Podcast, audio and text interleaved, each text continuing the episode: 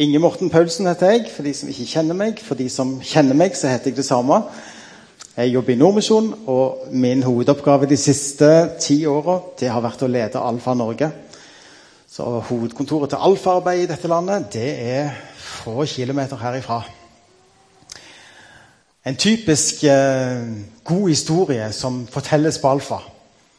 For det er sånn at det skal alltid være en Noen vil si det er en vits, men det er en god historie med en sånn punchline som går over i temaet. Det er da på alle alfasamlinger. Hvis du har vært med og kjørt alfa, så har du sannsynligvis hørt denne. Om han som eh, bodde i Kristiansand og dessverre opplevde det mange opplever for tida, han ble arbeidsledig. Så han tenkte noe må jo jeg gjøre, for jeg må jo ha jobb. Det handler om penger, men det handler også om verdighet, og det handler om mange ting. Og så får han altså beskjed om at det er en ledig jobb i Dyreparken. Så han stiller opp der og snakker med direktøren. og Han er veldig glad for at han kommer og sier det er fantastisk at du er her akkurat nå. For du skjønner, gorillaen vår blitt syk. Han begynner å ane hva som skjer. Men jo, du skjønner at vi, vi, trenger litt hjelp, for nå er det snart ferie. Og ungene liker så godt denne gorillaen. Og vi har kjøpt inn en, en drakt her. Nei, sier han, det, det, går ikke an. Der går grensen.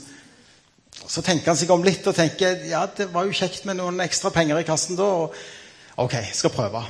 Du skal få en hel dag til å øve. Du skal få betaling og alt. Så han øver på lyder og bevegelser og syns at dette får en jo skikkelig godt til.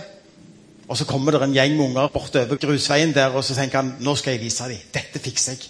Så han svinger seg mellom greinene der og tar skikkelig fart. Og så mister han taket. Og når han da lander, så går det plutselig opp for han at han er i buret ved siden av. Og der bor løva. Hva går gjennom hodet på han da?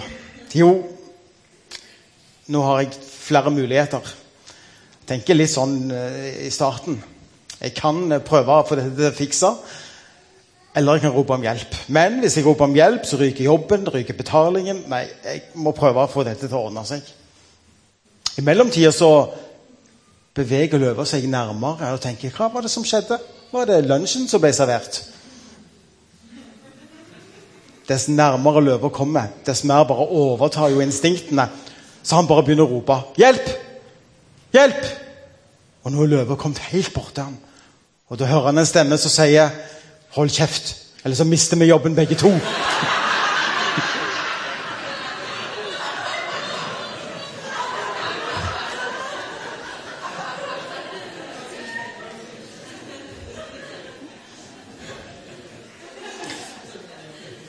Han hadde på seg en drakt, han hadde på seg ei maske.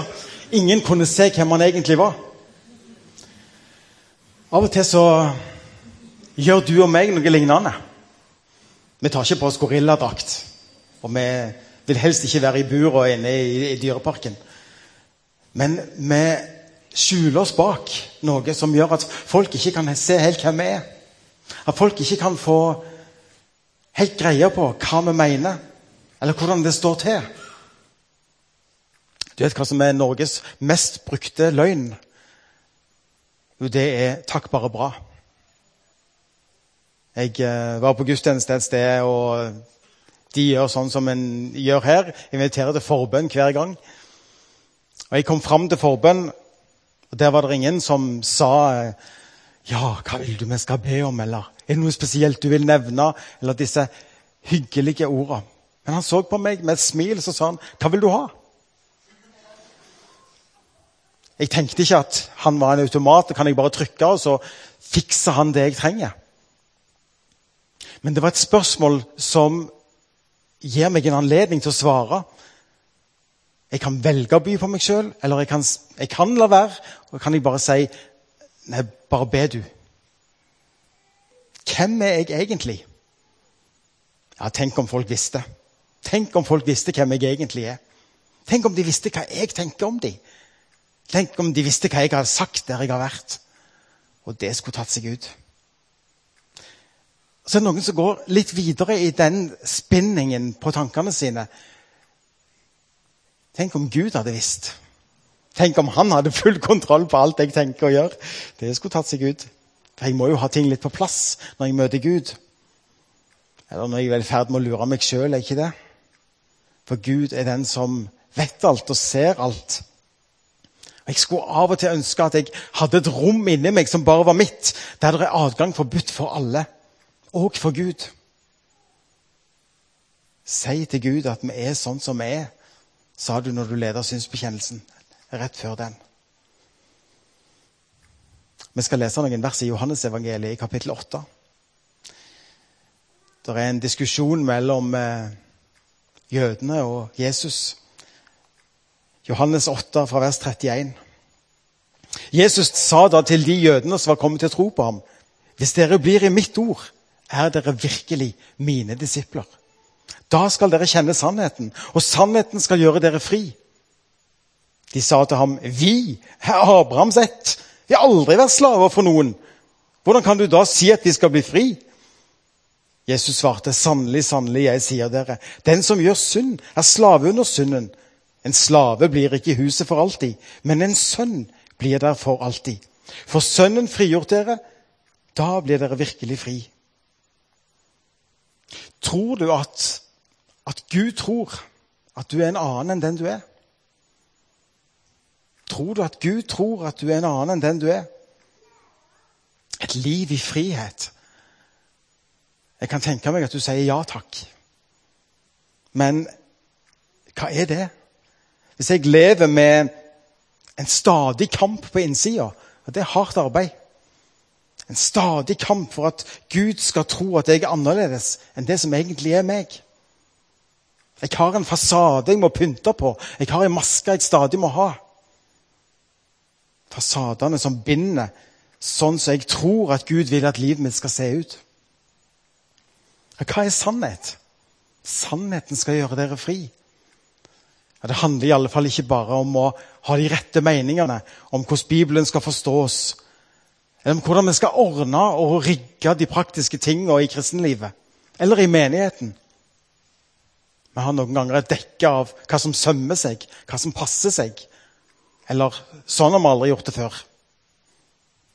Sandy Miller, som har vært sogneprest og biskop i England, og som har vært i Holy Trinity Brompton, der Alfa kom ifra, han var veldig fornøyd. Han, sa det har bare tatt 16 år å få kasta ut disse benkene av kirka og få noen stoler i stedet som er bedre å sitte på, og som er fleksible. Men så blir han jo møtt med det. Vi kan ikke gjøre det sånn.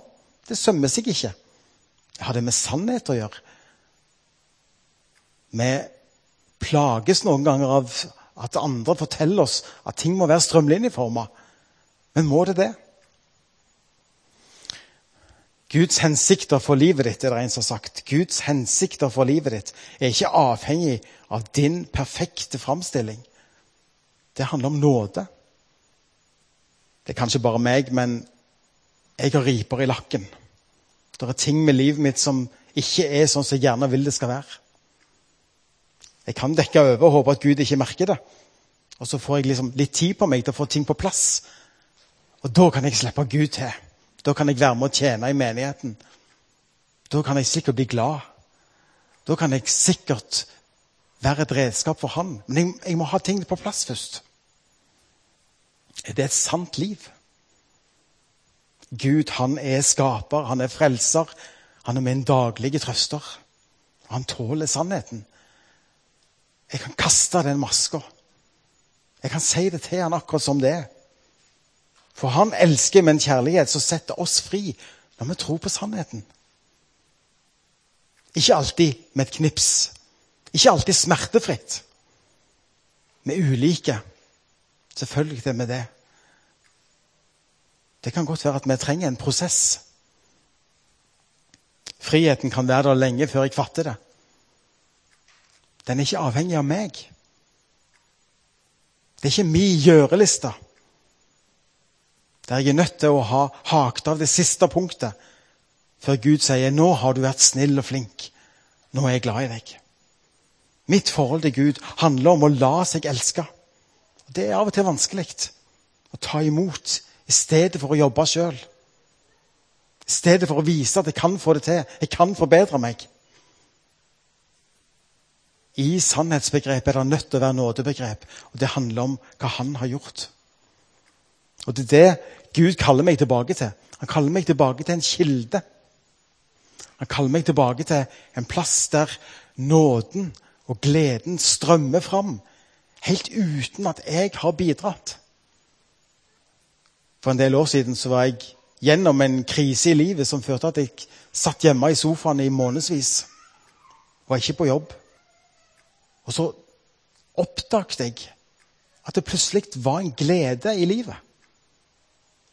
Og Det var en glede i å lese i Bibelen, en glede i å be til Han. Og jeg tenkte, hvor kommer dette fra? Det kommer i alle fall ikke fra meg. Da prøvde jeg å sette noen ord på det og si hvis dette er din glede, så vil jeg at det skal være min verdi. Jeg ønsker å ha dette. Jeg ønsker at det skal være en del av livet mitt. Og når jeg kommer ut i hverdagen og livet fungerer det vi kaller mer normalt. For det å gi livet til Jesus, det er å gi ham problemene òg. Av og til så tenker vi altfor mye på at vi må jo ha litt å slite med. Hvorfor i verden skal vi det? Og igjen, ikke bare et knips. Men å gi livet til Jesus og gi ham de gode tingene. Gi ham det vi er glad for. La han få innflytelse. Men det er sannelig òg å gi ham det som er vanskelig. For Gud kaller oss ikke til et arbeidsforhold eller en slavekontrakt, men han kaller oss til slektskap. Og Det betyr at når vi er barn i familien, så har vi full frihet og, tilgang til alt. Mine tre barn de er voksne, de har flytta hjemmefra. Men de er jo innom. De er òg innom når jeg ikke er hjemme. Fikk en tekstmelding her for noen dager siden. Er du på jobb? Ja, sier jeg. Jeg cruiser rundt i huset ditt og låner vaskemaskinen. Så kommer jeg hjem til tomme syltetøyglass og Ikke sant? De vokste ikke engang opp i det huset. Jeg har flytta og bor i et annet hus. Men de er barn av familien. De hører til der. Jeg ringer ikke og sier 'Du, har du spist syltetøyet mitt?' Det er helt naturlig. Jeg har vært for mange år siden på besøk i Nepal et par uker. Det er jo sånn at Når året går, så er det ting som viskes ut. Men det er én ting som hele tida sitter der. Og Det er at de har 33 millioner guder. Og de jobber med å gjøre gudene fornøyd. Jobber vi med å gjøre vår ene Gud fornøyd? Eller er vi elska av Gud? Vet vi at vi er en del av familien? Jeg tok litt godt for meg nå av de nådegavene du hadde satt fram, Gud. Håper det er greit. Eller tenkte han nei, du skulle ikke ha så mye. Jeg får bare litt. Han er raus. Han vil gi oss det vi trenger. Han vil gi oss det han ser at vi trenger for å ha et godt liv. Det vi trenger aller først, det er å gjøre opp vår sak og venne oss til Han. Men når vi har gjort det, så glemmer Gud våre synder. Han tilgir dette. Vi forholder oss til en Gud som ikke sier 'Hvem er du?' Ja, men jeg snakket med deg i går, Gud. Hva gjorde du? Han kjenner oss, og han vet hvem vi er. Vi er hans barn. Vi hører til der. Og Når vi sier sannheten om oss sjøl, så får vi høre sannheten om Guds nåde. Og den kjærligheten kan sette oss fri. Religion forteller oss hva vi skal gjøre for å fortjene Guds nåde og favør. Men evangeliet forteller oss hva Jesus har gjort. Det er grensesprengende og frigjørende. Det er det som er nåde. Det var et sitat fra et magasin. Jeg er ganske opptatt av at Jesus var raus med de menneskene han møtte når han vandra på jorda. Og folk trengte både psykisk helbredelse, de trengte fysisk helbredelse, de trengte godhet. De trengte det daglige brød. Og han var raus og ville gi dette. Og så har jeg lest i Bibelen at tegn og under skal følge de som tror. Jeg leser en bok av Bill Johnson for tida, og han forteller om en, en samtale han hadde med noen studenter Og så snakker de om tegn og under. Og Da er det en som sier til han, 'Jeg vil søke tegn og under når jeg har mer av Kristi karakter'. Åh, Det høres flott ut. Det høres veldig kristelig og sømmelig ut. Men det betyr jeg, jeg må ha ting litt på plass først. Jeg må vente litt til jeg er blitt litt bedre. Til jeg kjenner at jeg er liksom blitt litt heil. Og før jeg har det, så får tegn og under vente. Bill Johnson forteller jeg slo opp i Matteusevangeliet i kapittel 28 og leste det som kalles misjonsbefalingen, og sa du skal gå ut. Du skal gå og gjøre mennesker til disipler.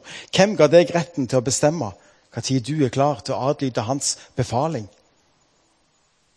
Vi liker ikke alltid det. Derfor er det sånn maktspråk å si befaling. Men det heter misjonsbefalingen. Vi er befalt å gå og fortelle. Det skal få lov å være vår respons på den kjærlighet og den nåde og den raushet som han viser oss.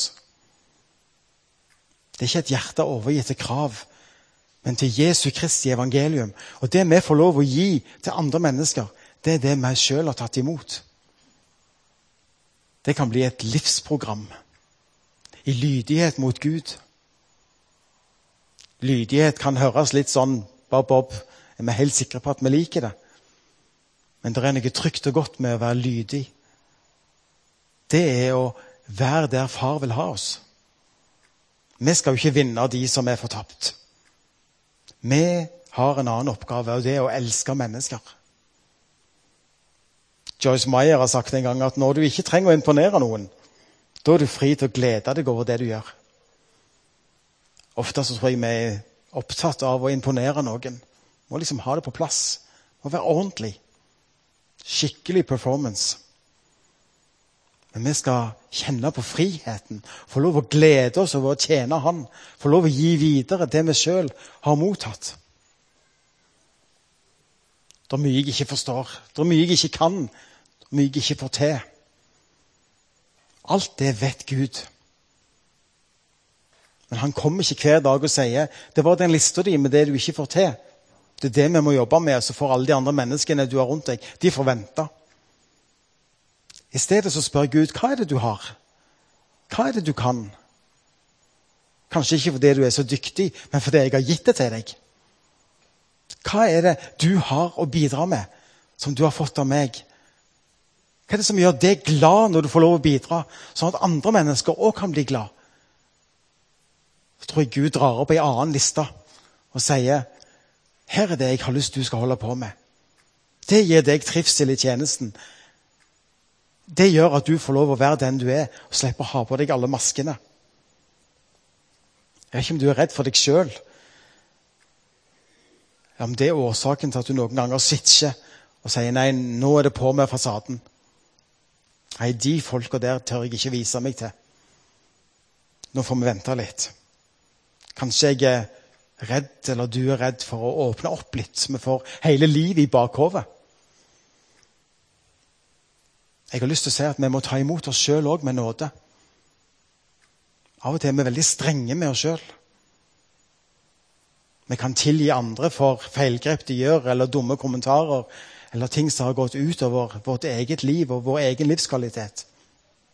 Selv om det noen ganger kan ta fryktelig mange år, så ønsker vi å tilgi på et tidspunkt. Men å tilgi oss sjøl det er ikke på agendaen for noen av oss. Ta imot oss sjøl med nåde, og ikke behandle oss strengere enn det Jesus gjør. Det får bli en gang seinere. Ja, hvorfor skal det bli en gang seinere? Hvis du bare lever i framtida Ting skal komme en gang. Hvis du bare lever i framtida, så kommer du ikke til å være til stede når den kommer. Det er godt sagt, og jeg har ikke funnet på det sjøl. Det er Nikki Gumbel som har sagt det, han som har ført alfa i pennen. Hvis du bare lever i framtida, så kommer du ikke til å være til stede når den kommer. Hvis Jesus får gjøre deg fri, så blir du virkelig fri. Han bruker Den hellige ånd til denne forvandlingen. 2. Korinterbrev, kapittel 3, vers 17. Herren, det er Ånden. Og hvor Herrens ånd er, der er frihet. Det er kjempespennende. Og som jeg da sier for tredje gang i denne talen, det betyr ikke at plutselig så er alt fiksa. Men det betyr at jeg må bestemme meg for hva slags verdier er jeg vil ha. Helt til slutt. Gud elsker deg akkurat sånn som du er. Hvis du skal ha alt på plass før du slipper Gud til i livet, hva tid blir det? Kanskje du tenker at du må ta opp en kalender og se tid kan det bli. Men du kan legge den ned igjen, for det blir aldri. Hvis du skal ha alt på plass, så blir det aldri. Det er helt umulig for meg å bli perfekt. Alt er mulig for Gud, for i Jesus så er vi fri og kan leve sånn som vi er tenkt til. Noen ganger så kjenner jeg at det er så spennende å være en kristen at jeg får lyst til å slippe litt opp på den kontrollen som jeg ellers liker å ha. Hva gjør du, Gud? Hva gjør du med de menneskene rundt meg? Hva gjør du når jeg snakker med folk? Hva gjør du hvis jeg lar være å gå forbi? Jeg kan ikke bli perfekt, men jeg trenger å leve i hans sannhet. Og Det er ikke bare et sett med ord og setninger som jeg skal slå noen i hodet med. Men det er først og fremst nåde fordi vi får lov å være Guds barn. La oss be. Jeg takker deg, far, fordi at vi er dine.